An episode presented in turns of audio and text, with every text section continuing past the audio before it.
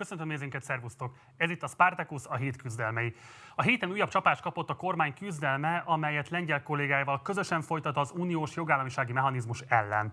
Budapest és Varsó a tavalyi év végén azzal fenyegette az uniót, hogy megvétózza a közös költségvetést, illetve a járvány utáni helyreállítási alap tervét, amennyiben a források kifizetését jogállamisági és korrupció ellenes feltételekhez kötik. Akkor végül az a kompromisszum született, hogy Orbánik indítsanak pert az Európai Unió bíróságán a mechanizmus jogszerűségével kapcsolatban, az Európai Bizottság pedig cserébe addig nem veti be a fegyvert, amíg a bírák állást nem foglaltak. A héten tettek közé állásfoglalását az Európai Unió bíróságának főtanácsnoka, aki szerint semmilyen probléma nincs a mechanizmussal, és teljesen jogszerű, ha az Unió szeretné megvédeni pénzügyi forrásait a korrupt gyakorlatoktól. Ez az állásfoglalás persze jogilag még nem kötelező, de az esetek elsőprő többségében a bíróság döntése meg szokott egyezni a főtanácsnok véleményével. Így az szinte borítékolható, hogy néhány hónapon belül a magyar kormány elveszti ezt a pert. Nem csak ezen a fronton fokozza az EU ellenes retorikáját a kormány, de a szexuális kisebbségeket megbélyegző intézkedéseit is harciasan védi Brüsszellel szemben. A héten az Európai Bizottság jelezte is, hogy nem találta meggyőzőnek a gyermekvédelmi törvény homofób passzusaival kapcsolatos Orbán érvelést. Ezért feltehetően nem sokára ez az ügy is az, az uniós bíróság elé kerül. Kedden azonban a parlament kormánypárti többsége rábólintott arra, hogy ugyan ebben a témában népszavazást írjon ki a kormány. A népszavazási kampány minden jel szerint a parlamenti választási kampányal fog egybeesni, így felmerül a kérdés, hogyan áll majd hozzá ehhez az ellenzék. Erről Ungár Pétert, az LMP országgyűlési képviselőjét fogjuk kérdezni ma este, de itt lesz velünk Dudics Luca, a háttértársaság kommunikációs munkatársa is, aki arról beszél majd a jogvédő szervezetek és a szexuális kisebbségek mozgalmai hogyan készülnek az ellenük kiírt referendumra. A múlt héten berangoztuk már, hogy az Investigate Europe oknyomozó médium átfogó kutatást végzett az európai vasúti rendszer hanyatlásának okairól. A csoport magyar tagja végigjárta azt a kínai finanszírozással épülő vasútvonalat, amely Pireus kikötőjéből indul, és amelynek része a Budapest-Belgrád vonal is. Már itthon ennek a projektnek szinte minden részletét titkosították, az újságírónak az út során elég sok érdekességet sikerült kiderítenie. Itt lesz velünk a stúdióban Kálmán Attila, az Investigate Europe munkatársa, hogy beszámolhasson kutatásai eredményeiről. A négy évvel korábbihoz hasonlóan lakatási szervezetek újra összeraktak egy minimum programot, amely mellett szeretnék, ha az ellenzéki pártok elköteleződnének. Arról, hogy miért volt rossz az elmúlt évtizedek hazai lakáspolitikája, és hogyan lehetne jobb jövőre, Kovács Verát, az utcáról lakásba egyesület társelnökét, és Cirfus Márton, a Periféria Központ kutatóját kérdezzük majd. A ma esti első témánk viszont nem Magyarországot, hanem nyugati szomszédunkat, Ausztriát érinti. 2017-ben nagyon fiatalon, 31 évesen lett kancellár Sebastian Kurz, aki a héten 35 évesen azt jelentette be, hogy vissza is vonul a politikától. Itt van velünk a vonalban Tehet Péter, a Freiburgi és Zürichi Egyetem munkatársa, a gemist.hu szerzője, hogy elmondja nekünk, mi is történik Ausztriában. Szervusz Péter, köszöntelek az adásban. Szervusz, köszöntöm a hallgatókat, nézőket. Köszi, elfogadtad a meghívást. Elsőként azt kérem tőled, hogy rekonstruált kérlek azokat a botrányokat és ennek a sorozatát, ami először ugye ahhoz vezetett, hogy lemondott vezetői pozíciójára a mai nappal, vagy a héten pedig bejelentette azt is Sebastian Kurz, hogy végérvényesen visszavonul a politikától. Illetve kérek válaszolj arra a kérdésre is, hogy ez mennyiben valóban végérvényes visszavonulás az ő részéről. Hát ugye az egész botránysorozat az akkor indult el, amikor ugye kiderült 2019 májusában az úgynevezett Ibiza videó, Ugye ezt ismerjük, ezt Magyarországon is lehetett tudni, amikor kiderült az a videó, ahol Heinz Christian Strache, akkori szabadságpárti elnök és osztrák alkancellár, hát spicces állapotban az egy ibizai villában arról beszélgetett egy kamu orosz oligarchának, hogy hogyan lehetne korruptá tenni az osztrák közéletet, hogyan tudná magát bevásárolni például az osztrák eh, médiába, ugye ő akkor a magyar állapotok megteremtéséről eh, beszélt. Most ez a 2019-ben kiderült videó, ez először eh, az egész kormány bukásához vezetett, tehát ugye Kurz már akkor először elvesztette a kancellárságot, szakértői kormány jött rövid időre, de az ellenzék az el tudta érni, hogy egy vizsgálóbizottság jöjjön létre, amely az Ibiza videóban említett ügyeket vizsgálja. Tehát az elsősorban először csak arról szólt, hogy amit Strache, tehát a szabadságpárti politikusot mondott, azok mennyire megalapozottak, igazak. Csak mivel Strache azt is állította, hogy az összes osztrák pártot bizonyos módon meghatározna a korrupció, ezért az ellenzék által felállított vizsgálóbizottság az érdeklődése egyre inkább az osztrák néppárt felé terelődött, már csak azért is, mert a 19-es előrehozott választásokat Kurz nagy arányban megint megnyerte, szabadságpárt tehát már nem volt annyira fontos célpont, ezért az ellenzék is, amely akkor már a szozdemeket, szélső jobboldalt és a liberálisokat jelentette, inkább a néppárt felé kezdtek el érdeklődni, és ott ebben nekik segítségükre volt a korrupciós államügyészség is, amely egy külön ügyészségi forma Ausztriában, és végül aztán az egész bizottság kezdte el feltárni az ügyeket, például olyanokat, hogy állítólag a Bécsi néppárt az egy szerencsejátékcégtől kapott volna illegális párttámogatást, és a Bécsi néppártnak az elnök az a Gernot Blümel volt, aki Kurznak hosszú ideig a lehet úgy is mondani, hogy jobb és bal keze volt egyaránt. Ő pénzügyminiszter volt, egyébként ő is ezen a héten most lemondott. Ennél a Blümelnél idén februárban házkutatást tartott az osztrák rendőrség, ugyan a laptopját ki tudták menekíteni, majd a felesége ki tudta menekíteni, de a mobiltelefonját lefoglalták, és aztán folyamatosan elindultak ezek az ügyek, főleg a mobiltelefon lefoglalások miatt, hiszen még Kurznak a mobiltelefonját is lefoglalták, és a mobiltelefonokból kikerültek olyan üzenetek, amelyek olyan botrányokra világítottak rá, mint hogy például az osztrák állami vagyonügynökség élére kinevezett Tomás Schmidt, az nem a szakmai hozzáértése miatt került oda, hanem Kurzhoz való lojalitása miatt. Ugye ezek voltak azok az ismert SMS-ek, ahol Kurz azt írja neki, hogy mindent megkapsz, amit akarsz, a Schmidt pedig visszaválaszolja neki, hogy imádom a kancelláromat, és nagyon sok szívecskés emoji kísérte ezeket az SMS-eket.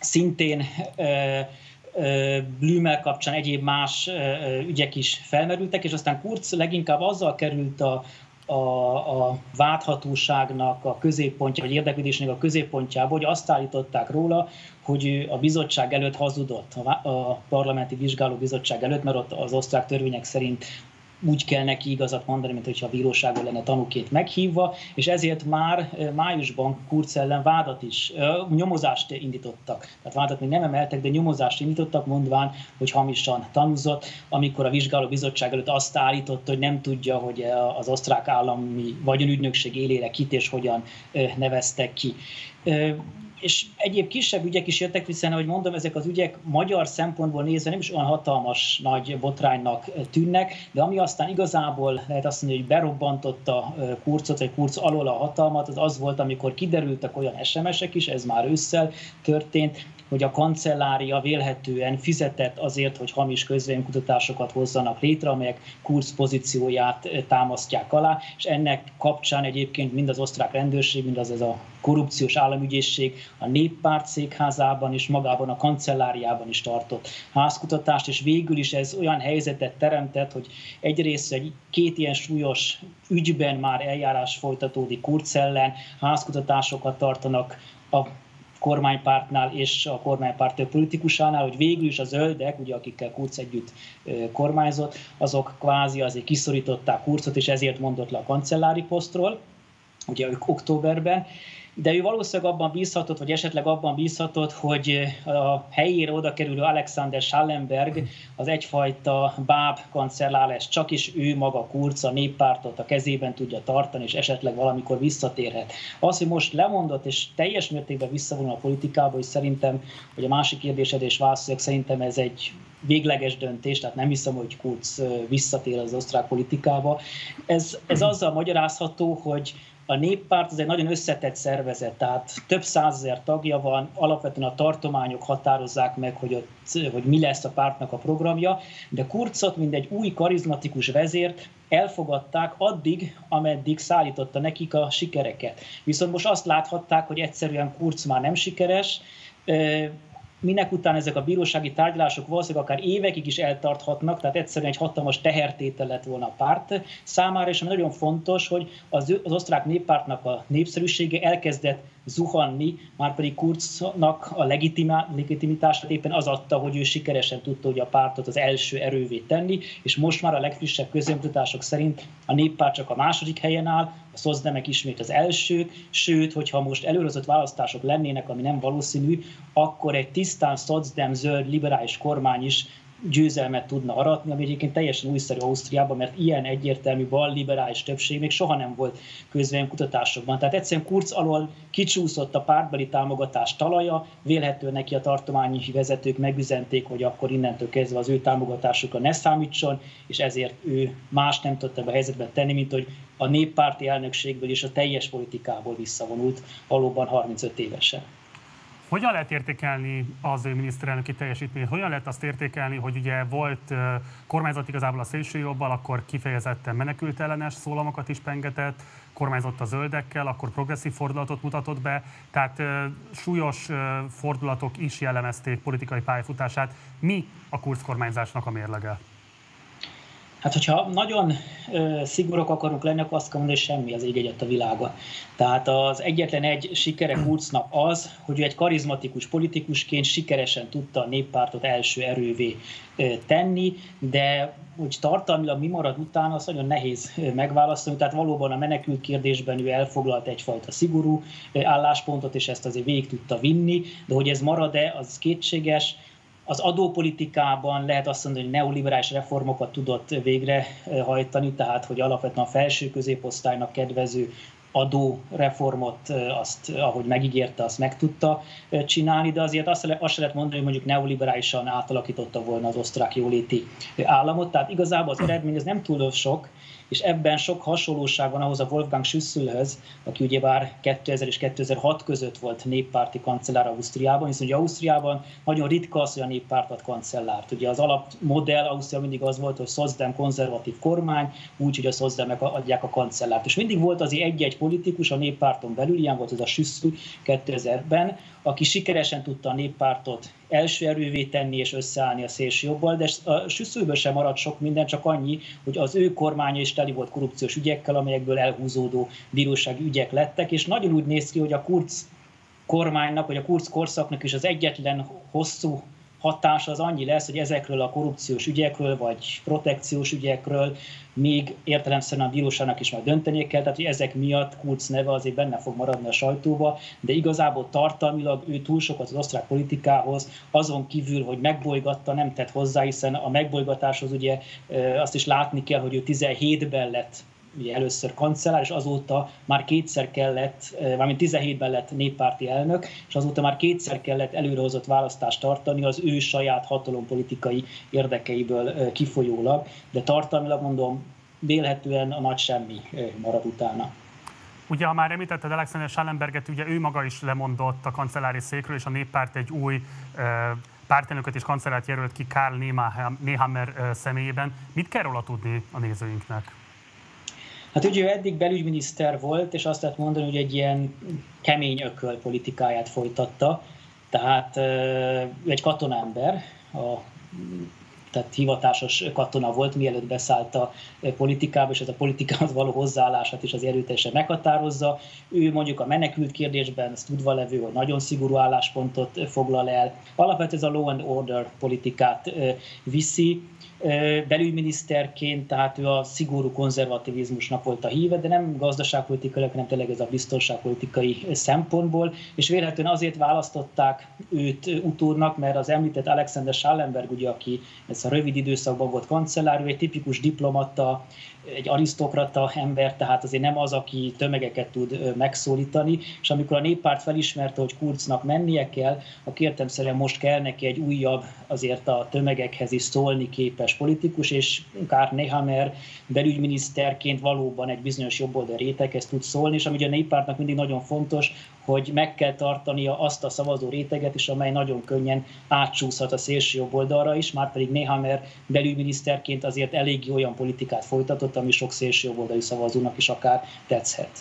És akkor zárásként röviden még kérlek beszélj arról a másik ügyről, ami eljutott és átütötte igazából a magyar sajtó inger küszöbét Ausztria vonatkozásában, ez pedig a kötelező Covid-oltás bevezetése február 1-től. Hogy áll most ez az ügy, milyen visszhangja van az osztrák társadalomban?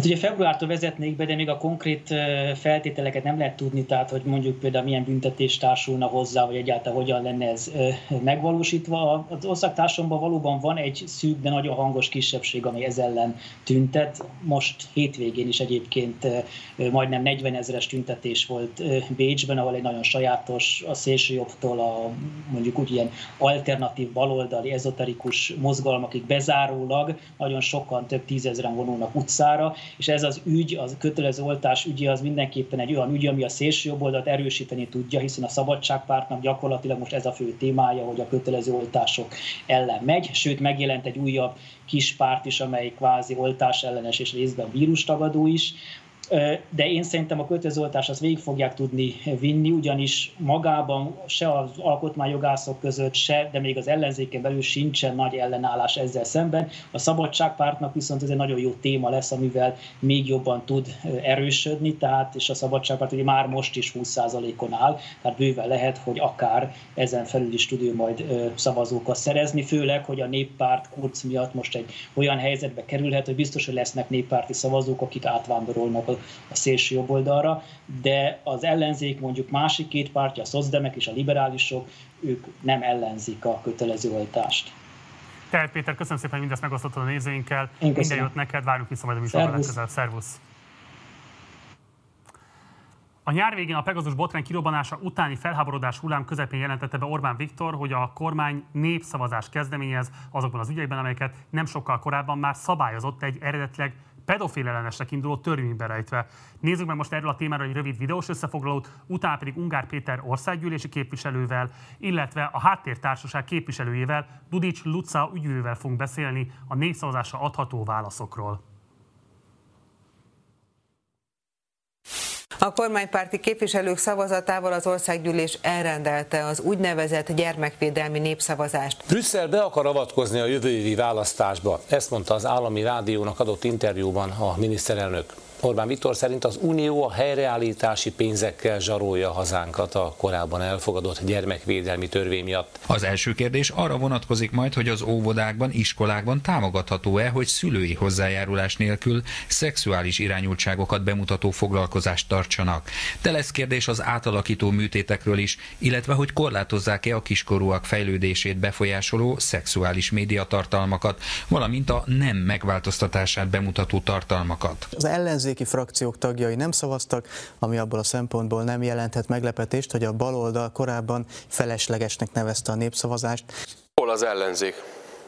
Hogy hol vannak a jobbik, a gyurcsánypárt, a szocialisták, az LMP és a párbeszéd képviselői. Nem menjenek el szavazni, és legfőképpen ne hagyják azt, hogy, hogy eltereljék a figyelmüket a valódi problémákról, mert nyilván nem véletlen, hogy a lehallgatási botrány után harma, a kirobbanást követő harmadik napon jelenti be Orbán Viktor azt, hogy egy ilyen népszavazás kezdeményez. Márkizai Péter, az ellenzék közös miniszterelnöke azt mondta híradónknak, a kormány aljas kampányt folytat, összemossa a pedofiliát a gyermekvédelemmel.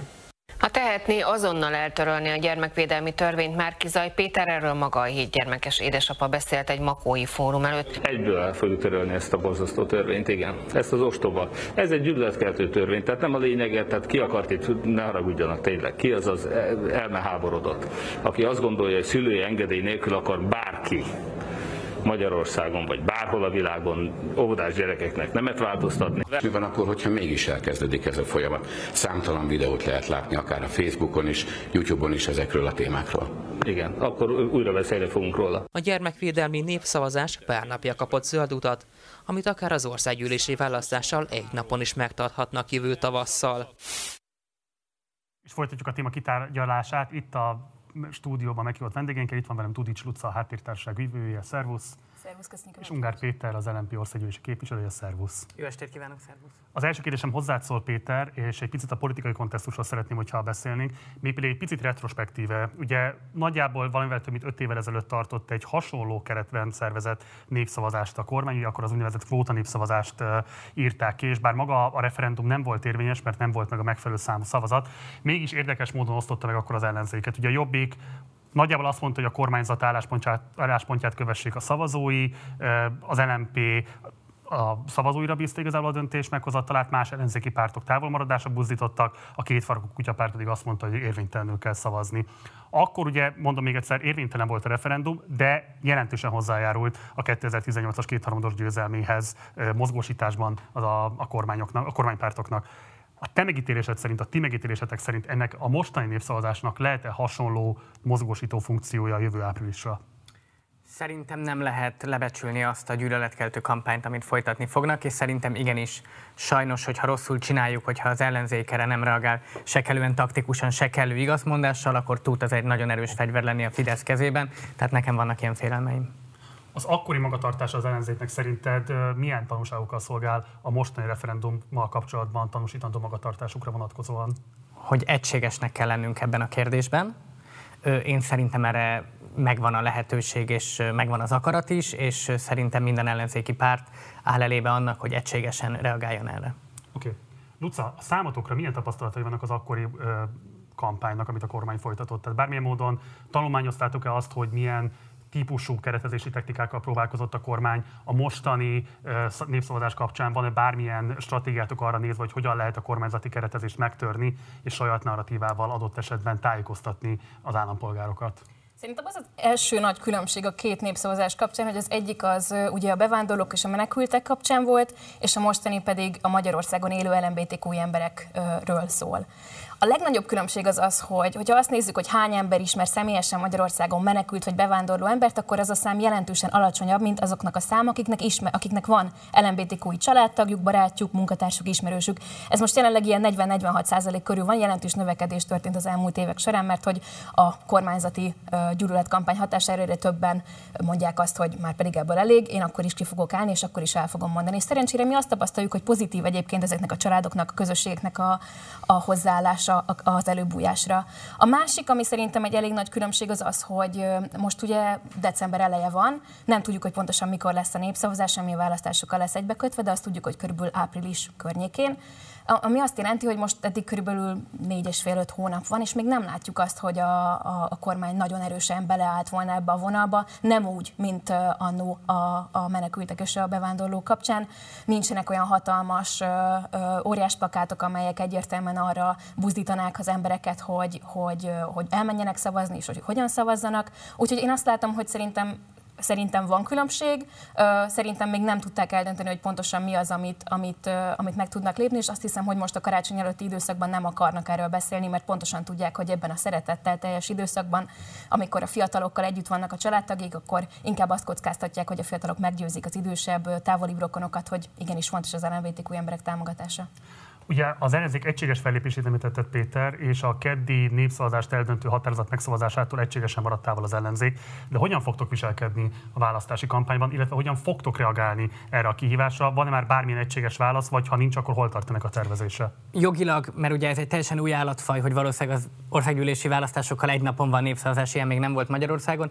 Megnézzük, hogy az érvénytelenségi küszöbbe, küszöbbe az érvénytelen szavazat, vagy az érvényességi küszöbbe hogy számít bele. Ehhez képest fogjuk eldönteni konkrét konkrétan mi a szavazási magatartás, de alapvetően az, hogy nem fogjuk szavazásra buzdítani az embereket, az már egy eldöntött tény. Bolykott, érvénytelen szavazás, mi lenne a hát mondom, ez a, a jogi attól függ, hogy beleszámít a küszöbbe, vagy nem. Hát ez egy nagyon fontos kérdés ebben a tekintetben. Jó, úgy értesültünk, hogy ti, akik a nem heteroszexuális kisebbségek, szexuális kisebbségek jog, jogegyenlőségért küzdötök, különböző civil szervezetek, szintén egy egységes kiállásban gondolkodtok. Hol tart ez a kampány, milyen koordinációt láthatnak majd a választópolgárok ezzel kapcsolatban? Június óta, de igazából már amióta az első LMBTQ ellenes megmozdulások voltak 2020-ban, azóta van egy szorosabb együttműködés az LMBTQ szervek és az emberi jogi szervek között. Szerencsére nagyon jól tudunk együtt dolgozni, ugye ennek van is történelme Magyarországon, és már az akkori fellépésünk azt, hogy együtt szerveztük ugye azt a hatalmas tüntetést tízezer emberrel a parlament elé, a petíciókat, amelyeket együtt indítottunk, azt, hogy együtt adunk be beadványokat az ombudsmannak, vagy éppen az alkotmánybíróságnak, azt gondolom, hogy ez egy nagyon fontos vonulata a, a, az elmúlt hónapoknak, és ezt az együttműködést ezt mindenképpen meg akarjuk tartani a népszavazás kapcsán. Ahogyan Péter említette, még a jogi kérdések nem teljesen tisztázottak, de mi úgy látjuk most a, a szervezetek, akikkel kapcsolatban vagyunk, hogy az érvénytelen szavazás lenne talán a legjobb megoldás, és azt gondolom, hogy itt nagyon-nagyon fontos szerepe lesz a szülőknek, mert ugye a kormány ezt a gyermekvédelmi kérdésként akarja, akarja beállítani, úgyhogy szerintem a szülőknek kell igazából kiállnia, meggyőznie egymást is, beszélgetéseket folytatnia arról, hogy, hogy igenis döntsék el, hogy fontos-e nekik, hogy az ő gyermekük egy elfogadó társadalomban éle. Ugye itt van egy olyan ügy, amelyben civil szervezetek és ellenzéki pártok valamilyen módon mégiscsak véleményegységben vannak. Várható a kampány időszakban, hogy lesz valamilyen látványosabb kiállás vagy együttműködés, vagy alapvetően arra készültök, hogy külön-külön fogtok kampányolni a saját üzeneteitekkel, hogy a kívánatos választói magatartása buzdítsátok a választópolgárokat. Luca? Szerintem az nagyon fontos, hogy nem mondjunk ellentétes üzeneteket, de úgy érzékelem, hogy nagyon hasonló gondolataink vannak. Azt gondolom, hogy valamilyen szintű egyeztetés az üzenetekről az elképzelhető, de még nem folytattunk pontos tárgyalásokat a következő hónapokra való stratégiáról.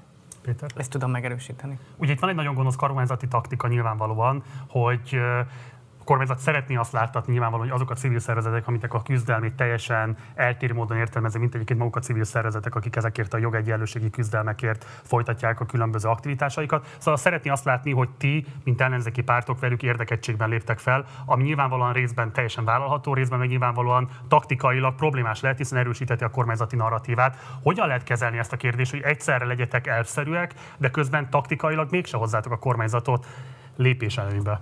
Szerintem itt az első dolog, vagy amit én látok, hogy mindenféleképpen a magyar választópolgárok tudtára kell adni, az az, hogy ennek a népszavazásnak valóban a gyermekvédelemhez nincs köze. A gyermekvédelemmel lehet úgy foglalkozni, hogy például a nemzetgazdaság legrosszabbul fizetett dolgozói, a gyermekvédelmi dolgozói például béremelést kapnak, vagy megkapják az egyszerű 500 ezer forintot, de akár lehet úgy foglalkozni, hogy mondjuk a normatívát a 680 forintról, ami még az inflációt se követi, megnövelik. Tehát vannak ilyen dolgok. Ugyanakkor emellett, hogy elmondjuk, hogy ez egy gonosz népszavazás, ami nem szól a gyermekvédelemről, adatvédelemről. Szerintem nem eshetünk abba a hibába, hogy a ö, kormányzati narratívának nem érezzük át, hogy mi a vonzó része azok számára, a választópolgárok számára, akik magukat a globalizáció veszteseinek tartják. Tehát szerintem, ha itt elkezdődik, és én nagyon bízom benne, hogy nem fog elkezdődni semmilyen becsmérlést azoknak az embereknek, akik fogékonyak erre a fajta retorikára, az szerintem nagyon fontos lenne, és szerintem például olyan igazságokat sajnos ki kell, fog, ki kell tudni mondani ebben a kampányban, hogy igenis vannak Nyugat-Európában a a meleg mozgalom, meg a szexuális felszabadítás mozgalom bizonyos részeiről igenis negatív tendenciák, és igenis vannak Magyarországon akár ellenzéki szereplők és a nyugat-európai szivárványmozgalom között erős véleménykülönbségek. Utca? Azt hiszem, hogy azt fontos tudnunk, hogy Magyarországon azt látjuk többféle közvéleménykutatás alapján is, gondolok itt a mediára, gondolok az Ipsosra, gondolok az Opinióra, azt látjuk, hogy Magyarországon az embereknek a többsége igenis támogatja az LMBTQ embereket, támogatják most már a házasság egyenlőségét, támogatják egyre többen az örökbefogadást, támogatják azt, hogy az LMBTQ emberek szabadon tudjanak sétálni az utcán, hogy ne lehessen őket kirúgni, tehát az ő érdekvédelmüket, az ő szabadságukat egyre többen ismerik el és támogatják. Én azt hiszem, hogy ez egy olyan érték, amit fontos, hogy az ellenzék is felkaroljon. Péter? Természetesen így van, a jogegyenlőséget mindenáron meg kell védeni. Ugyanakkor például szerintem akkor is, ha az embert KDNP-séggel vádolják, azt például el kell mondani, hogy igenis vannak mondjuk a fiatalkorúak félreszexualizálására folyamatok, amik folynak a világban, el kell ismerni, hogy ez egy valós dolog. Szerintem mindenki, aki 12 és mondjuk 16 éves gyermek között nevel gyereket, az ezzel szembesül, de mondjuk erre el kell mondani, mi a valódi válasz, hogy persze szörnyű dolgok vannak a Netflixen, meg néha én is sóhajtozok, de az interneten elérhető pornó és a pornóipar szexualizálja félre a gyermekeket alapvetően, nem pedig ez a Mikulásos reklám. Tehát, hogy meg kell tudni mondani ezekre a valóban létező problémákra, meg kell tudni adni a helyes választ, ahelyett, hogy azt mondjuk, hogy semmilyen probléma nem létezik, és hogy minden, ami tőlünk nyugatabbra van, az abból adódóan, hogy tőlünk nyugatabbra van, egy csodálatos dolog, ami hiba nélküli. Oké, okay. ugye van itt egy alapvető kérdés, hogy itt egy nyílt diszkrimináció zajlik a nem heteroszexuális állampolgárokkal szemben a kormány részéről, és szerintem aki a kormányzati állásponttal szembe helyezkedik, az mindenki elismeri azt, hogy ez egy nyílt diszkrimináció. De innentől kezdve jön egy olyan kérdés, amire nagyon kíváncsiak, hogy milyen álláspontotok van, nevezetesen, hogy a kormányzat megpróbálja ezt az egészet egy ilyen szabadságjogi, kultúrharcos keretezésbe tenni, mi szerint ők kifejezetten a brüsszeli meleglobbival szemben próbálnak küzdeni a magyar szuverenitás érvényesítésért. Hogyan lehet elkerülni azt, hogy a kormányzati szándék ne érvényesüljön, tehát hogy ne egy ilyen kultúrharcos keretezésben kelljen állást foglalni, és a kormányzati törésvonalak mentén ide vagy oda besorolnia magát az állampolgároknak, illetve civil szervezeteknek, politikai pártoknak és így tovább. Tehát hogyan lehet megtartani azt az eredeti problémakört, hogy itt alapvetően egy diszkriminatív gyakorlat ellen próbálnak civilek, ellenzéki pártok fellépni a kormányzattal szemben. Ha engem kérdezel, szerintem az egy nagyon fontos dolog, és ki kell emelnünk, hogy amióta elfogadták a törvényt, azóta egyrészt megnőtt a gyűlöletbűncselekményeknek a száma, azt látjuk, hogy olyan fiatal párokat, akik van egy orvospár Pécsen, akik sétáltak haza, kézen fogva, annyira megverték őket, hogy az egyik őjük kórházba került. Szerintem ezt nem szabadna engedni egy demokráciában. Azt látjuk, amióta elfogadták a propaganda törvényt, hogy iskolapszichológusokat, tanárokat feljelentenek, megpróbálják őket az intézményvezetők informálisan nyomást gyakorolni rájuk, hogy igenis ne beszéljenek beszéljenek LMBTQ témákról. Van, aki nem is hozza be az órájára, csak látják, hogy Facebookon vagy Instagramon posztolt valamit, ami támogató. Én azt gondolom, hogy nem szabad engednünk, hogy egy olyan országban éljünk, amikor valaki elveszheti az állását azért, mert támogató az LMBTQ emberek kapcsán. És szerintem itt nagyon fontos azt kiemelni, hogy, hogy az, hogy ne támogassuk ezt a házmester kultúrát, hogy, hogy egy olyan közösségben élhessünk, ahol szabadon beszélgethetünk, ahol folytathatunk párbeszédeket, és nem az az első, hogy följelentünk valakit, vagy éppenséggel a főnöke nyomást gyakorol rá, azt gondolom, hogy ebben állást kell foglalni. Péter? Én azt gondolom, ezek értelemszerűen elsődlegesen fontos dolgok, de azt gondolom, hogy el kell ismerni, hogy a szexuálpolitikának mindig is volt geopolitikai komponense, ez egy állítás, ami örökké igaz volt, és valószínűleg a következő ezer évben igaz lesz, és el kell mondani, hogy van Nyugat-Európából egyfajta elvárás, vagy lehet nyomulásnak is nevezni, ami ezt az egész szexuális kisebbségekkel adódó elnézést, én a nyelv használatban majd lesz egy vitánk, hogy ezeket hogy hívjuk. Én nem használnék például személyesen, vagy a kampányban se használnék egy ilyen nyugati műszót, de a, a, ami a lényege ennek az valójában, hogy ha nem mondjuk el, hogy van geopolitikai komponens, akkor nem tudjuk elmondani, hogy ez, amit ők csinálnak, ez is egy geopolitikai komponensű dolog, hiszen részben a lengyel fundamentalista katolikusoktól, meg az Ordo Judisztól másolják a dolgokat, részben pedig a putyini propagandából. Tehát, hogyha nem mondjuk el, hogy az elsőnek van egy geopolitikai meghatározottsága, és tényleg minden nagykövetség folyton kiad a Pride-ról egy közleményt, ami tényleg tud idegesítő lenni, akkor nem tudjuk elmondani, hogy de, amit meg ők csinálnak, az meg a Magyarországtól keletre, sokszor a Magyarország érdekeivel ellentétesen cselekvő geopolitikai hatalmak érdeke. Miben idegesítő, hogy miért idegesítő ez a fajta kiállás? Mert azért engem nem idegesít, nekem egy nagyon fura ambivalens viszonyom van ezzel, amit senkit nem érint, meg érdekel, de a, akit idegesít, mert az azt tudja érezni, hogy miért ennél ad ki 23 nagykövetség nyilatkozatot, miért nem ad ki a, nem tudom, sváb büszkeség napján, vagy a bunyevácoknál. Tehát ez, ez tud egy idegesítő faktor lenni. Tehát, szelektív ez a fajta szakítás gyakorlat. Így van. Okay. Nem válaszoltuk igazából a kérdésre, de szeretném, hogyha mégis válaszolnátok rá. Ugye, és akkor mondok egy konkrét példát, ugye a helyreállítási alapforrásának felfüggesztése kapcsán a kormányzat már nyíltan brüsszeli szivárvány lobbyról beszél, és feltétlenül az lesz a retorikája, és az lesz a kommunikációs stratégia, hogy minden az ő értelmezése szerint a magyarországi szuverenitást sértő, valójában az ő korrupt gyakorlatait korlátozó intézkedést, ami az Európai Unióból érkezik, azt a szivárvány lobbira fogja majd kenni. Ennek azért én azt feltételezem, hogy lehet hatékonysága, alkalmas lehet arra, hogy választók nem jelentéktelen csoportját orientálja arra vonatkozóan, hogy hogyan és milyen magatartás mintát tanúsítson a választáson majd. Tehát ebből a szempontból kérdezem, hogy milyen taktikai szempontok vannak, amiket annak érdekében kell érvényesíteni, hogy az elszerűsége nem menjünk szembe, tehát nyilvánvalóan nyíltan el kell ítélni ezt a diszkriminatív gyakorlatot, de közben mégis valahogyan azt is el kéne érni, felteszem, hogy ne szolgáljon ez gyúanyagul megerősítésként a kormányzati narratíva szempontjából. Mi gondolsz erről, Luca? Ez egy 10 milliós kérdés szerintem. nincsen rá egyszerű válasz. Ugye figyelembe kell venni azt, hogy kinek van hozzáférés a közmédiához, kinek nincsen hozzáférés a közmédiához, az, hogy nem tudunk bemenni oda, nem tudunk vitatkozni, a párbeszédet nem tudunk folytatni, szerintem ez egy hatalmas probléma. elmondhatom most itt nektek, és elmondhatom a nézőknek azt, hogy a bizottság külön kiemelte azt, hogy itt nem arról van szó, hogy, hogy a szexuális kisebbségeket elnyomják, erről is van szó, de arról van szó, hogy a, a szolgáltatások szabadsága, illetve az áruk mozgásának a szabadsága az nem biztosított. Az, hogy ezt meg tudjuk-e értetni, az már egy másik kérdés. Mint mondom, az, hogy, hogy nem tudunk beszélgetéseket folytatni, ez egy hatalmas probléma. Még nem találtuk meg sajnos a hidat, de nem tudom, hát ha nektek van erre egy megoldásotok. Péter? Én szerintem az fontos, hogy beszélni, tehát hogy azt el kell mondani, hogy mindenki értse világosan, hogy nem a buzik miatt van az infláció, nem a buzik miatt ér egyre kevesebbet a minimál nyugdíj, nem a buzik miatt van az, hogy egyre nő a gyermekvállalás költsége, nem a buzik miatt van az, hogy Magyarországon átlagban másfél évente kitolódik az átlag elköltötési időszak, ugye a családi házból a lakhatási válság miatt. Ezek valódi problémák, mi értjük, hogy nagyon sokan vannak, akik az elmúlt 30 év veszteseinek érzik magukat, ezek közül vannak buzik, meg nem buzik, és nem a buzik tehetnek arról, hogy sok ilyen ember van. Tehát szerintem ez az, amit Magyarországon el kell mondani, és és nem szabad belemenni abba, hogy e, belemegyünk mi is egy jó emberkedési versenybe, hogy ami az ellenzéken belül néha elindul, hogy elmondja, hogy ki támogatja a legjobban azokat az ideológiai elvárásokat, amik a nyugati testvérpártaink megteszik, mert ha ez történik, és ha egy nyugat ö, népvitát csinálunk ebből, akkor el fogjuk veszteni. Ez Jó emberkedési versenyben nyilvánvalóan nem kell belemenni, de ugyanakkor van egy olyan veszély is, hogy esetlegesen pont az ilyesfajta félelmek miatt az elvszerűség egy kicsit lejjebb fog majd tekerni az ellenzék. Milyen biztosítékai vannak annak, hogy nem fog engedni abból, hogy nem heteroszexuális emberek is jogaiban azonos értékűek, mint a heteroszexuális. De hát pont azt mondtam, azért kell, hogy jogaiban azonos értékűek legyenek, mert ugyanúgy elszenvedik azokat a problémákat, akik akik, amik miatt a probléma elszenvedői sokszor más ö, kivitelhez vagy más dühöz nyúlnak. Ezt el kell mondani, hogy az ugyanúgy érint mindenkit.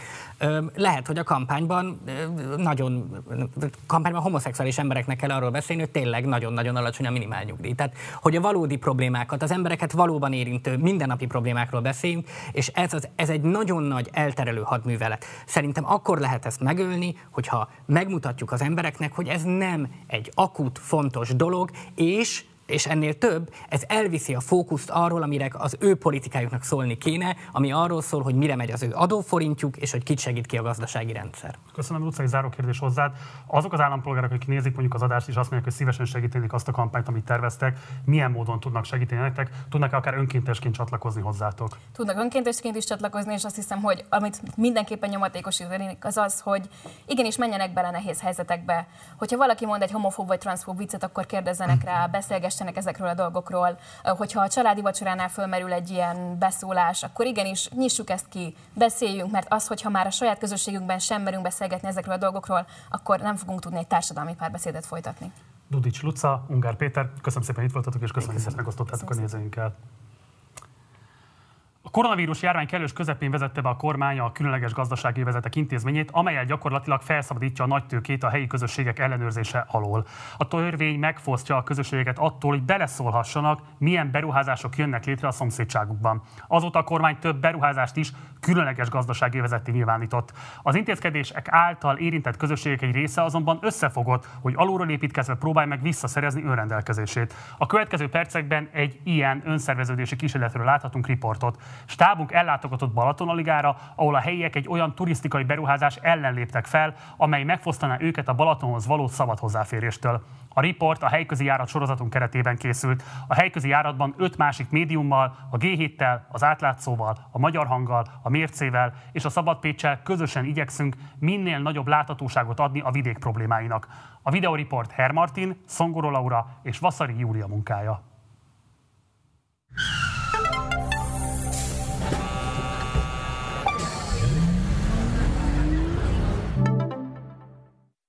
Igazából erre nincs szükség erre a kiemelt beruházásra, mert, mert egy magántelekre mi abban a közcél? Nincs olyan indok, hogy, hogy azért, mert itt turisztikai fejlesztés lesz, ezért mi már nem mehetünk le a barat. Ez nem közcél. Ilyen nincs.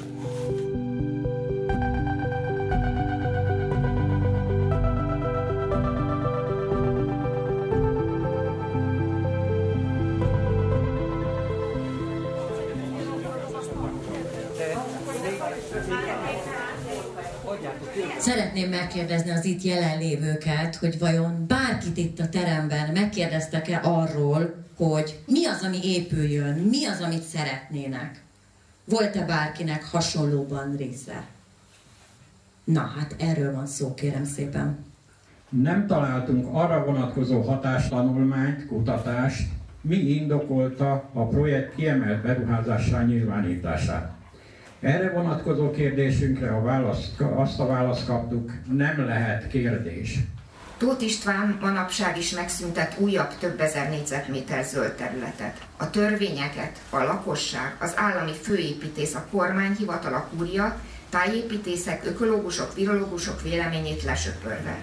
Miféle közérdek az, amely a külföldi cégek profittermelése érdekében szembe megy a helyiek alapvető emberi jogaival, megakadályozva, hogy beleszólhassanak az életükbe, és megvédhessék lakókörnyezetüket. Összességében tehát városi szinten is ugyanazokat a sémákat és problémákat tapasztaljuk, amit sajnos országos szinten is tapasztalunk, és amit tapasztalnak önök is. Itt a Balatonnál, a Velencei tónál, a Fertőnél, a Tatai Öreg tónál, és még számtalan helyen. A kiemelt beruházás felülírja az összes létező törvényt, a Balaton törvénytől kezdve, mint természetvédelmi törvény, és a helyiek semmiben nem tudnak beleszólni, és gyakorlatilag titkosított tervek alapján a fejlesztő azt épít, amit akar. Amióta beszélhetünk balatoni üdülésről és turizmusról, Balaton alig a közkedvelt nyaralóhelynek számít. A Balaton délkeleti szegletében található terület Budapestről könnyen megközelíthető, a környezet pedig pazar. Nem csoda, hogy az adott kor elitje rendre megkívánta a területet. A 20. század első felében villák és szállodák épültek itt, majd a 40-es évek végétől pártüdülőként funkcionált. Ekkor kapta meg a Klub Liga nevet. Az Aliga 1-es a mezei pártagok számára volt fenntartva, az Aliga 2 viszont már egy szigorúan őrzött, exkluzív területnek minősült. Itt található Kádár János egykori villája és a Castro villa néven ismert épület, ahol a külföldi delegációkat fogadták. Itt a Klubaligában az épületállomány tulajdonképpen a múlt század szinte valamennyi építészeti stílusát bemutatja. Sajnos már a bontások elkezdődtek, de van hét védett épület, amivel nagyon bízunk, hogy nem kerül lebontásra, ilyen a Kádár villa, Castro villa, az étterem. A rendszerváltás után mi civilek azonnal megkerestük például Antal József miniszterelnök urat is, hogy segítsen abban, hogy újra megnyílhasson a Balaton partunk a magyar lakosság előtt. Mert nagyon fontos, hogy régen, a Kádár idő után nemzeti vagyonban maradt. Most pedig már 37 hektár magántulajdon. Ha 10 hektárt is átírják, akkor már magántulajdon esetében ezer évig itt a magyar lakosság nem megy le a partjára. A rendszerváltás után a klubbalig a 47 hektáros területe a másfél kilométernyi partszakasszal együtt az állam kezébe került. 2007-ben a kormány úgy döntött, hogy a területet privatizálja. Addig, amíg állami tulajdonban volt, 2007-ig igen jó állapotban voltak még az épületek, amelyek mára már nem mondhatók el, mintha teljesen lerohasztották volna szándékosan, úgy néz ki, hogy elbonthatóak legyenek. Például a Kádár villa is teljesen szét van verve, ablakok kiverve, a bútorzat, minden eltűnt, nem védték az új tulajdonosok, mint a direkt szándékosan le akarnák rogasztani. Pedig ez egy társadalom történeti emlékhely, amit mindenképpen meg kéne menteni, és múzeum negyedként ott megmenteni az utókor számára. 37 hektár tulajdonjogát az izraeli hátterű Promot Hungária Kft. szerezte meg, a maradék 10 hektár pedig az államé maradt ugyan, de 49 évre a Promot vagyonkezelésébe került. A megegyezés szerint 7 hektár az önkormányzatot illet meg. Ez magába foglalta volna a klub területén átvezető utakat, a közparkot és a partmenti sáv jelentős részét is. Mindez közterületként funkcionált volna egy település rendezési szerződés megkötésére került sor az önkormányzat és a promót között. Ez széleskörű társadalmi egyeztetés alapján e, került jóváhagyásra, közjegyző ellenjegyzésével. Ez biztosítja számunkra a terület használatát. Az adásvétel megvalósulása után 2013-ban a Magyar Nemzeti Vagyonkezelő feladata lett volna, hogy bejegyeztesse a földhivatalba, hogy az önkormányzat megkap 7 hektárnyi területet. Ez azonban nem történt meg. Álmunkban nem gondoltuk, hogy a kijelölt közterületek nem kerültek bejegyzésre. Nem, nem vettük észre, nem ellenőriztük le a földhivatalban. 2019-ben a Promot izraeli tulajdonosai, miután hosszú éveken át elhanyagolták a területet, úgy döntöttek, hogy túladnak a klubbaligám. A többségi tulajdont a Mészáros Tibors duó érdekeltségébe tartozó Apennin enyerté szerezte meg, a kisebbségi tulajdon pedig egy bizonyos Lex Analiga, ami több lap szerint is a volt MMV vezér Szivek Norbert érdekeltségébe tartozik. Annak a Szivek Norbertnek, akinek MMV-s regnálása idején valamiért elfelejtették bejegyeztetni a földhivatalba, hogy a klubbaliga területének 7 hektárja átszálljon az önkormányzathoz és közterületnek minősülhessen. Reméljük legalább annyi közhaszna lesz a beruházásnak, hogy a területen építendő hotelt szívek szállodájának fogják elnevezni. 2020-ban a kormány nemzetgazdasági szempontból kiemelt beruházásá minősítette a Klubbaliga projektet. A kormányrendelet pedig előírja, hogy a Klubbaliga területén tilos közterületet létrehozni az összes 30 éves civil munkánk eredményét egy tolvonással szüntette meg 2020. augusztus 7-én a kiemelt kormányrendelet. Sikerült az Appenninnek elérnie, hogy a képviselőtestület megosztott lett polgármester úr közbenjárásával, és így az érdekérvényesítő képessége sajnos a falunak jelentősen csökkent. Jelen állás szerint a 47 hektáros területből tehát nagyjából egy hektár marad a helyieké, amit ráadásul nem is lehet közúton megközelíteni. A helyiek hiába fordultak az alkotmánybírósághoz és az alapvető jogok biztosához, mindkét esetben elutasították a kérésüket. Mivel a jogfosztást nem fogadják el, ezért Strasbourghoz fordulnak jogorvoslatért. A mi álláspontunk az, hogy lehet úgy is turisztikai fejlesztést végrehajtani, hogy egy falu közterületeit nem vesszük el. Azt szeretnénk elérni, hogy vonják vissza a kiemelő kormányrendelete, egy, kettő, hogy az önkormányzat, polgármestere vagy a képviselőtestület, a lakosság, a civilek véleményének a kikérése nélkül semmit ne hagyjanak jóvá a klub Aliga ügyében. Csak a közterületet tudjuk elképzelni garanciának, más ígérgetés számunkra nem elegendő. Bár az új tulajdonosok ígéretei szerint a közutak és a partai része továbbra is biztosítva lesz a helyiek számára, az alig ha csoda, hogy szkeptikusak a beruházók egyeit illetően. Elég ha Szántódra, a Balalent projektre vetik vigyázó szemüket, ahol az Apennin ugyanezt ígérte a helyieknek, majd azzal szembesültek, hogy mindössze ennyi jár nekik a Balatonból. Az Aligai Fürdőegyesület már kevés ahhoz, hogy eredményt tudjon elérni, hiszen végigjártuk az összes utat. Nincs, mi se tudomásul kell vennünk, hogy nem kerültünk meghallgatásra. Most egyben látjuk a megoldást, hogy több civil szervezettel összefogunk, és egymás segítve nagyobb hangot fogunk adni a követelésünknek. A Balaton mindenkié, így megóvása vagy tönkretétele is csak a mi felelősségünk támogassuk egymást, figyeljünk oda egymás ügyeire akkor is, hogyha nem érinti közvetlenül a mi lakóhelyünket, ha nem közvetlenül a mi bőrünk van veszélyben. Mert ne felejtjétek, nem csak a Balaton, Magyarország is mindannyiunké.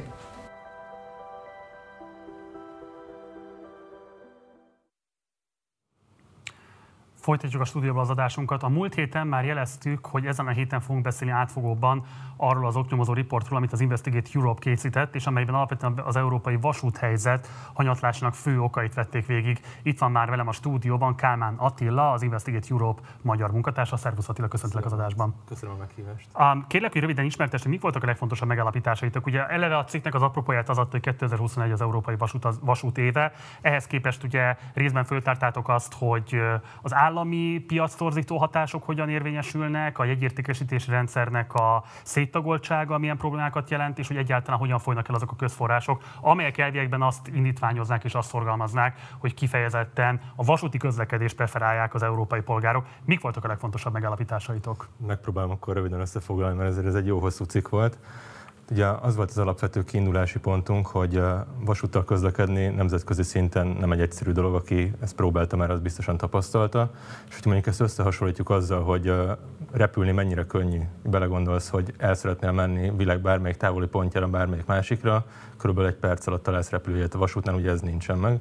És egy ilyen teljesen banális helyzetből indultunk ki, és azt találtuk, hogy szavak szintjén már nagyon régóta támogatják Európai Unió szinten is a vasúti közlekedést, ehhez képest főleg közútra és légi közlekedéssel mennek a források, ami nyilván egy kiinduló pontja annak, hogy miért van versenyhátrányban a vasút a repüléshez vagy a közúthoz képest. És akkor emellett voltak még más hatások, amik fontosak. Az egyik ilyen, amit ki kell emelni, az az, hogy a különböző nagy nemzeti vasútárságoknak, azért nagy, legtöbb országban ezek vannak, mint nálunk a MÁV, mondjuk a francia az SNCF, Németországban a Deutsche Bahn, ezek lényegében az állammal összefonódva működő hatalmas cégek, akik oligopól piac alakították ezt az egész helyzetet, és ők különböző módokon védik a saját piacaikat, ami nyilvánvalóan, oda vezet, hogyha nem tudnak belépni egymás piacaira, meg ezt akadályozzák is mindenféle módon, akkor nem alakul ki egy olyan fajta verseny, ami mondjuk lenyomna úgy az árakat, mint mondjuk a diszkont légitársaságoknál.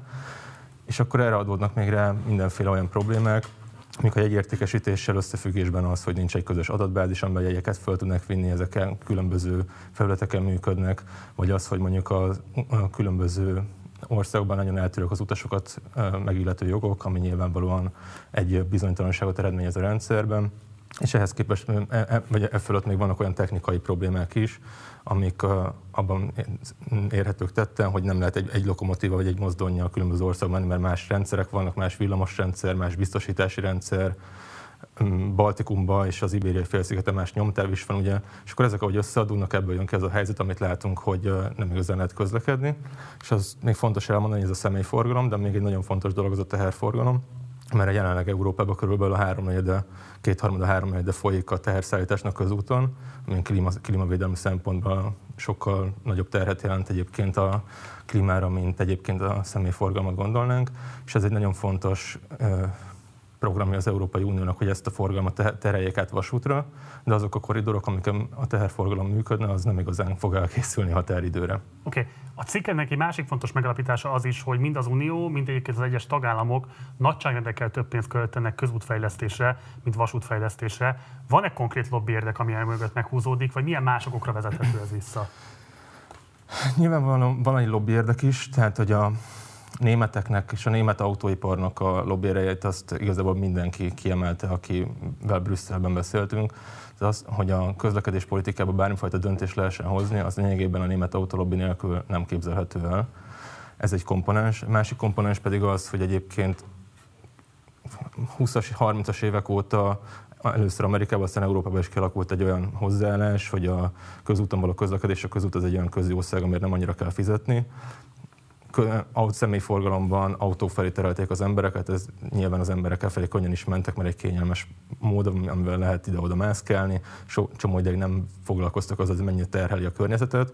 Ebből visszavenni, megfordulni nagyon nehéz, és nyilván a politikusok pedig gyorsan szeretnének ö, olyan, olyan helyzeteket előállítani, amit a választók szeretnek, és utat építeni, utakat átadni, mindenki szeret, azt mindenki látja, míg vasutat építeni és hálózatokat építeni, az meg egy jóval lassabb dolog. Uh-huh. Te ugye a, Pireus, a görögországi Pireus kikötőtől utaztál végig azon a vasútvonalon. Fordítva. Budapestről mentél. Budapestről mentél a Pireus, bocsánat, igen. Amelynek ugye része a Budapest-Belgrád vasútvonal is, ami részben valószínűleg ismert a magyarországi nézők számára. Az, hogy pontosan milyen kontextusa van ennek, az talán kevésbé. Ugye lehet azt tudni, hogy Szerbiában már konkrétan épül ez a vonal. Valahol már kész van, igen. Valahol már kész is van.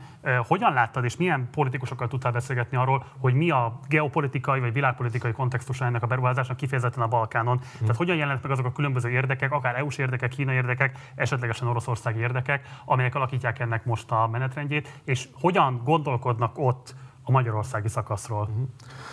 Hát aki idézek is az a, ebben a cikkben, és név, név szerint is lehet említeni, uh, Anita Dimoszki nevű uh, szerb miniszterhelyettes, ő vasútér felel, illetve a Észak-Macedon közlekedési miniszter Blagoj Bocvarski volt, aki részletesen beszélt ezekről a dolgokról. Ezen túl elég sok háttérbeszélgetést folytattunk, illetve voltak olyan Európai Uniós forrásaink, akik inkább név nélkül szerettek volna erről nyilatkozni, mert beszéltünk arról, hogy ez mi, mi az indoka.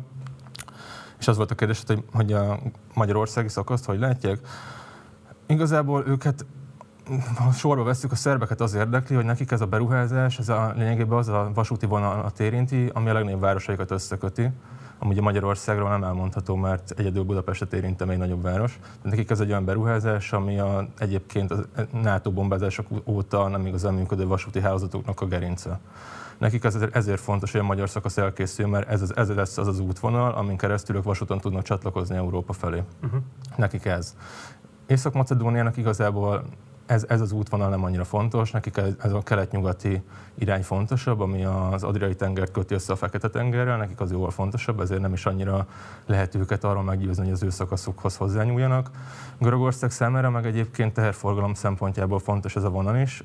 Van egy másik vonal, ami Románián és Bulgárián keresztül vezet, az 250 kilométerrel hosszabb, viszont jóval gyorsabban lehet rajta közlekedni, mert sokkal rövidebbek a, határon a várakozási idők. Most, hogy hallgatlak téged erről, akkor nekem megkérdeződik az az állítás, ami, vagy bennem megkérdeződik az az állítás, amit közlekedés szakma és politikai szereplők megfogalmaztak kifejezetten a Budapest-Belgrád vonalról, nevezetesen, hogy ez egy közlekedés szakmailag indokolatlan, közgazdaságtanilag túlárazott és így mhm. tovább projekt, tehát hogy felesleges egyszerűen fogalmazva, akkor ezek szerint mégiscsak lehetnének olyan szakaszai, amelyeknek van geopolitikai vagy adott tagállamon belül közlekedés szakmai indokai is. Két állítás volt a kérdésed, az egyik, hogy túlárazott, arról majd külön beszélhetünk, a másik pedig, hogy van-e értelme, vagy nincsen.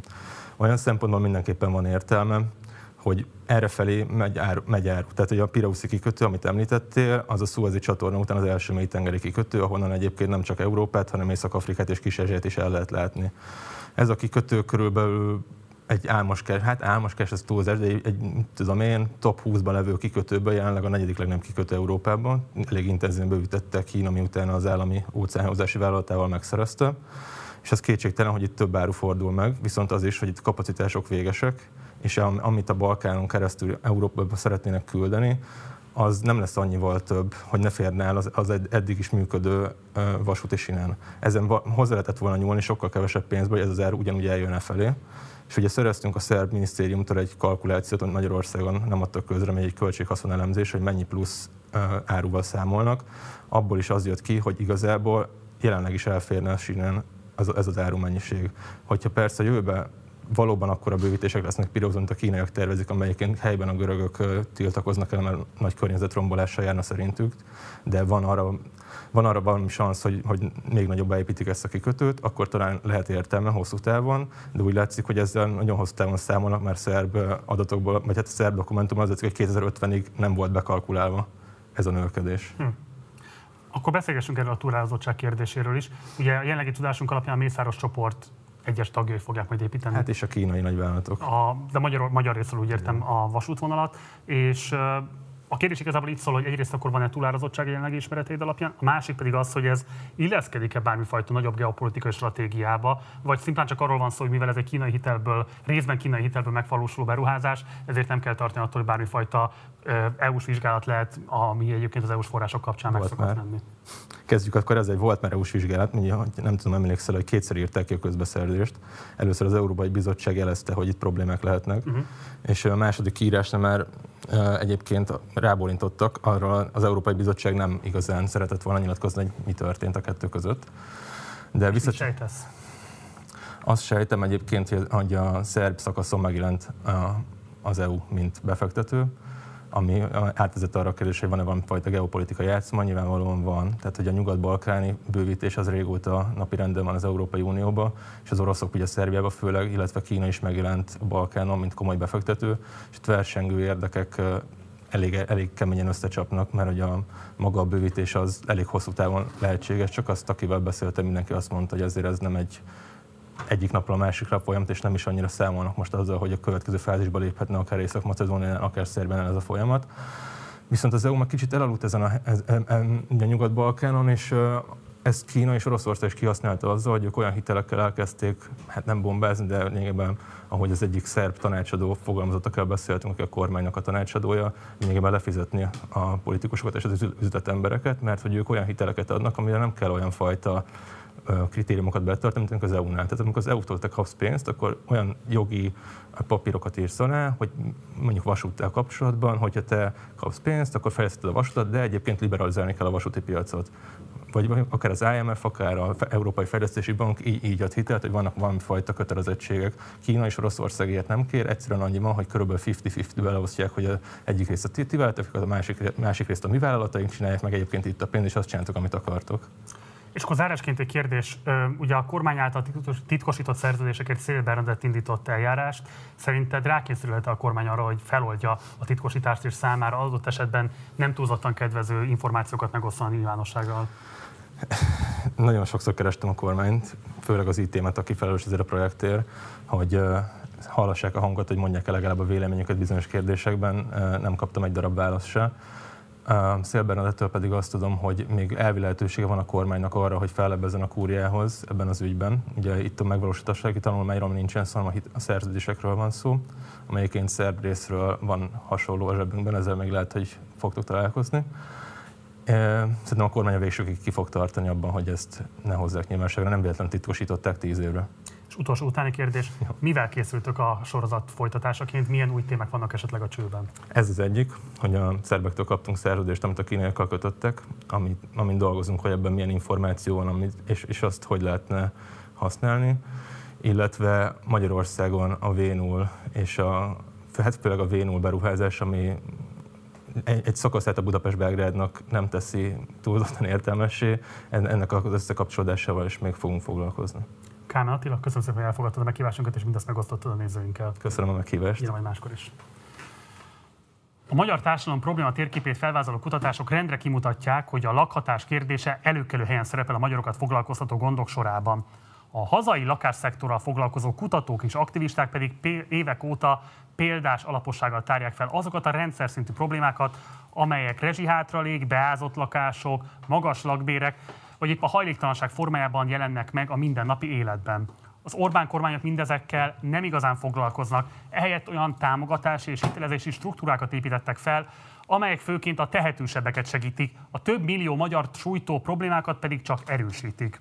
A kialakult helyzetért persze nem okolható kizárólag az elmúlt évtized. A rendszerváltás óta folyamatosan azt kellett tapasztalnunk, hogy a mindenkori vezetők elhibázott lakáspolitikai koncepciókat preferáltak, vagy egyáltalán semmilyen koncepcióval nem rendelkeztek. A 2019-es önkormányzati választások után helyi szinten itt-ott előremutató kezdeményezések is elindultak, amelyeket azonban országos szintre kellene átültetni.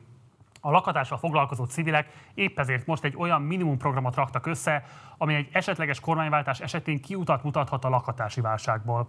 A program összeállítói szeretnék, ha az Egyesült Ellenzék elkötelezni magát az intézkedés csomag mellett, hogy mit is tartalmaz a csomag, és milyen hibákat követtek el a mindenkori kormányok az elmúlt 30 évben, arról Kovács Verát, az utcáról lakásba egyesület társelnökét, valamint Cirfus Márton, a Periféria Közpolitika és Kutató Központ alapítóját kérdezzük. Itt is vannak már velem a stúdióban. Szervusztok, köszönjük, hogy elfogadtatok a meghívást. Köszönjük a meghívást. Elsőként Vera hozzád fordulok. Kérlek, hogy foglald össze a nézőinknek, hogy mi van pontosan ebben a lakhatási minimumban. Főként azért is kérdezem ezt, mert egy ilyen lakhatási minimummal már előálltatok a 18-as választások előtt. Milyen tapasztalatai voltak annak, és mi az, amit most ahhoz képest megváltoztathatok a mostani követelés együttesben? Igen, az első ilyen jellegű kezdeményezésünk valóban már a korábbi választásokra készült el, és akkor nagyon pozitív volt ennek a fogadtatása. A lakhatási 6x6 nevű eseményen ugye hat ellenzéki pártnak a vezető szintű politikusai köteleződtek el amellett, hogy kormányváltás esetén a lakáspolitika prioritásként fog szerepelni az intézkedéseik között és már akkor tartalmazták a pontjaink a gyerekes családok elhelyezés nélküli kilakoltatásának a tilalmát. Ezt azért emelem ki, mert ez például egy olyan intézkedés, amelyet néhány önkormányzat saját hatáskörben is be tudott vezetni, tehát az elköteleződésük erősségét ez mutatja, hogy ahol volt alkalmuk, ezt alkalmazták is, de voltak olyan pontok, melyek ugye nem váltak számon kérhetővé, amiatt, hogy akkor nem történt kormányváltás, most egy olyan sokkal pontosabb, 20 pontos listát állítottunk össze, amely összességében szintén azt célozza, hogy ugye a rendszerváltás óta eltelt 30 évben soha nem volt egy ciklusokon átívelő, kormányzati szintű felelősséget vállaló olyan lakáspolitika, ami érdemben csökkenthette volna a társadalmi különbségeket, vagy ami segíthetett volna visszautat nyújtani azoknak, akik hajléktalanná váltak, de akár csak a lakhatási szegénységnek és a társadalom, társadalmi különbségek további mélyülésének a, a, a további szakadását is lassíthatták, vagy megállíthatták volna. Úgyhogy a legfontosabb célja a 20 pontunknak az, hogy most egy ilyen lakáspolitika mellett egy kormányzati felelőssel, költségvetési elköteleződéssel, illetve jogszabályi változásokkal is tegyenek kormányváltás esetén majd. Egy gyors kérdés, aztán majd beszélünk erről bővebben is, de Márkizai Péter, az Egyesült Ellenzék miniszterelnök jelöltje felé kezdeményezhetek-e már találkozót ezzel kapcsolatban, vagy akár történt is már meg ilyen típusú találkozó vele? Még nem történt meg ilyen típusú találkozó. Viszont úgy dolgoztunk eddig a lakhatási minimummal, hogy kidolgoztuk ugye ezeket a pontokat, és eljuttattuk a közös alapnak, tehát a közös ellenzéki programalkotási folyamat felé becsatornáztuk ezt a kezdeményezést, illetve egyeztettünk Márki Zaj Péter stábjával is.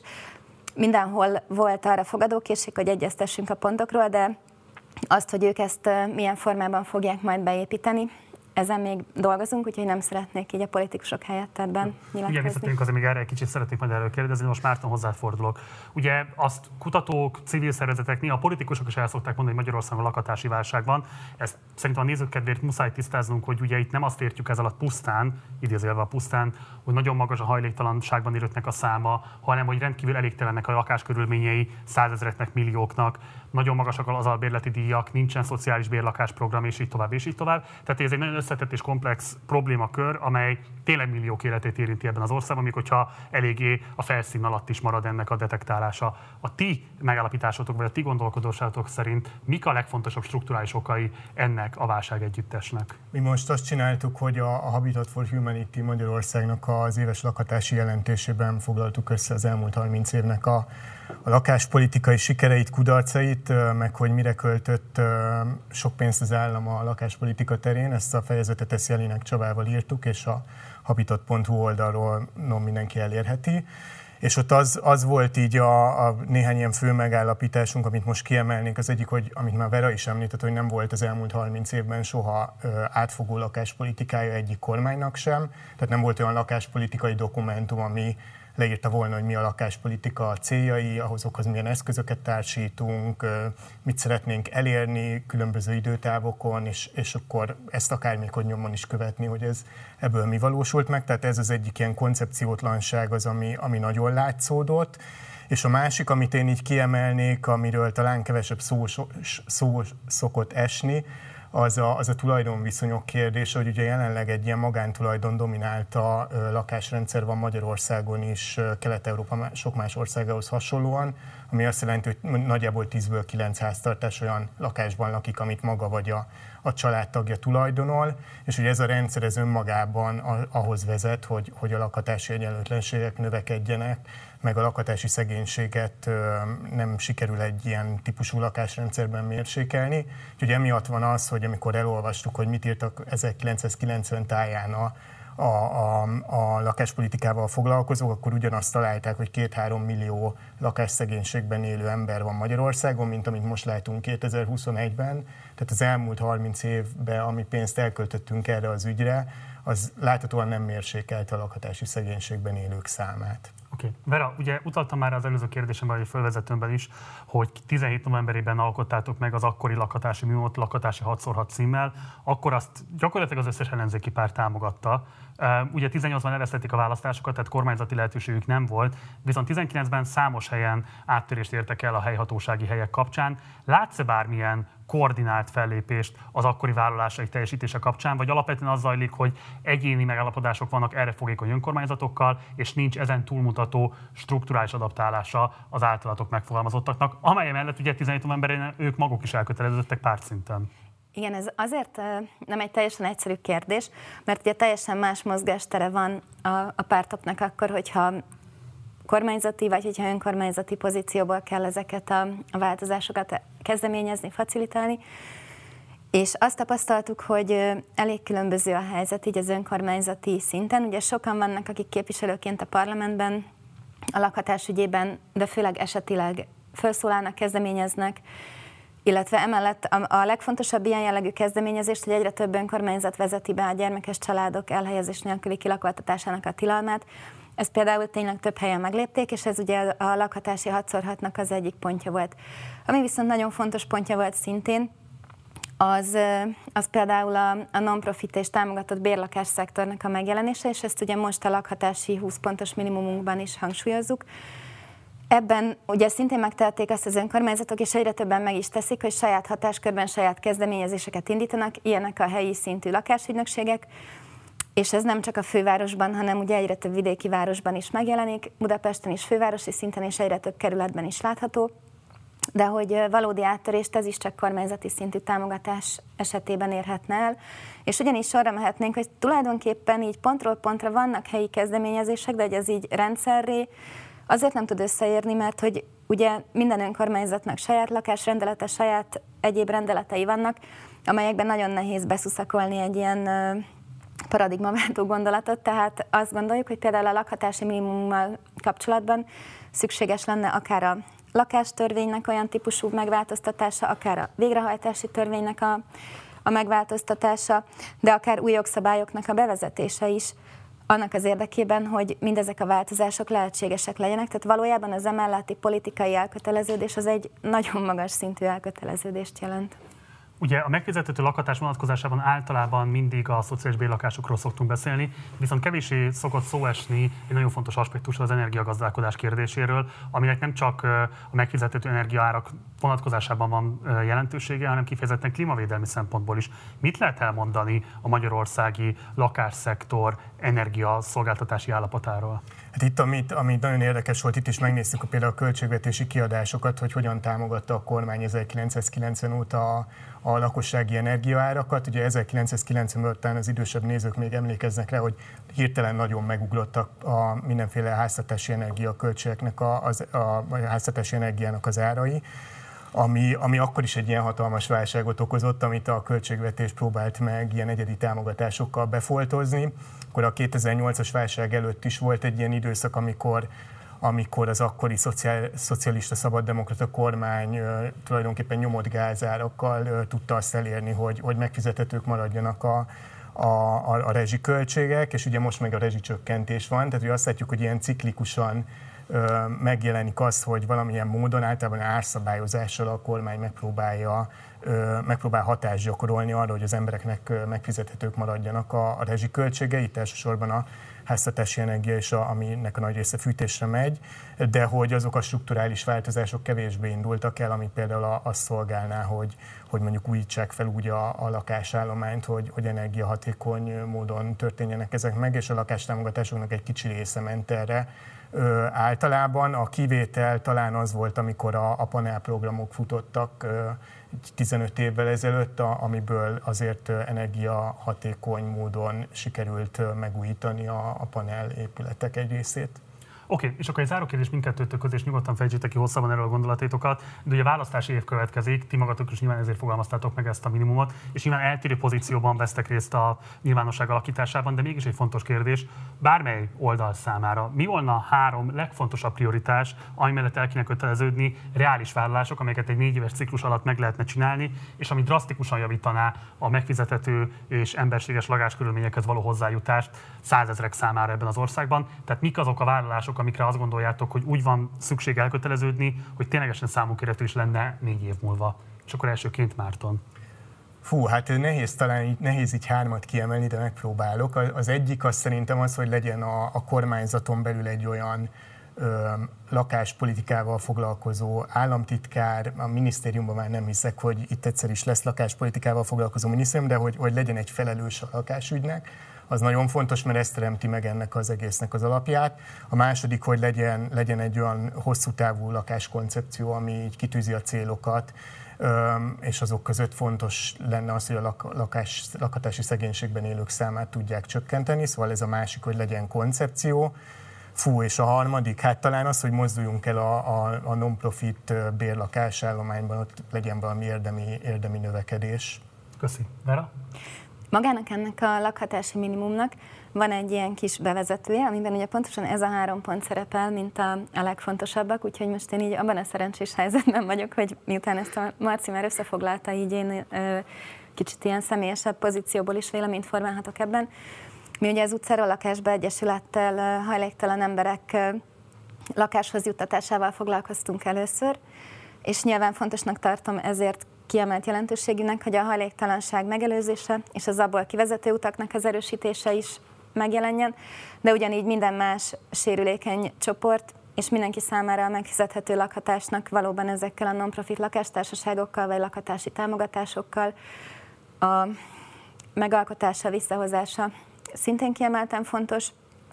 Ami még, ami még nagyon jelentős lehetne, az az, hogy ugye lakhatási nehézsége nem csak a hajléktalan embereknek van, hanem sokféle célcsoportnak. Ugye pont a Habitat jelentéseiből olvashatjuk, hogy a lakosság harmadának vannak lakhatási gondjai, tehát egy széles körű, a teljes szociálpolitikát átszövő lakáspolitikai gondolkodásra lenne szükség, és ennek valóban azok az eszközei, hogy költségvetési előirányzat, vagy éppen kormányzati szintű felelőse legyen ennek a ennek a területnek, de vannak olyan pontjai is ennek a minimumnak, mint például a hajléktalan embereket sújtó kriminalizációnak a megszüntetése, vagy éppen az önkényes lakásfoglalókat sújtó kriminalizációnak a megszüntetése, tehát olyan pontok, amelyek a legsérülékenyebb embereknek a támogatása helyett a büntetésének a megszüntetését célozzák.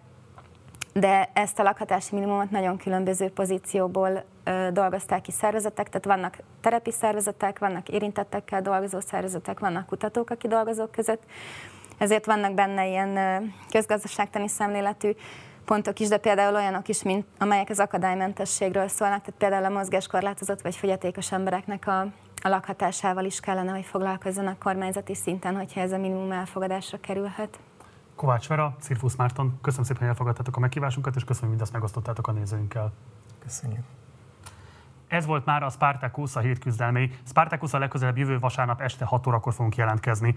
Munkatársai nevében köszönöm szépen az egész hetes kitartó figyelmeteket. Én Gulyás Márton voltam Budapestről. Jó éjszakát kívánok. Ciao.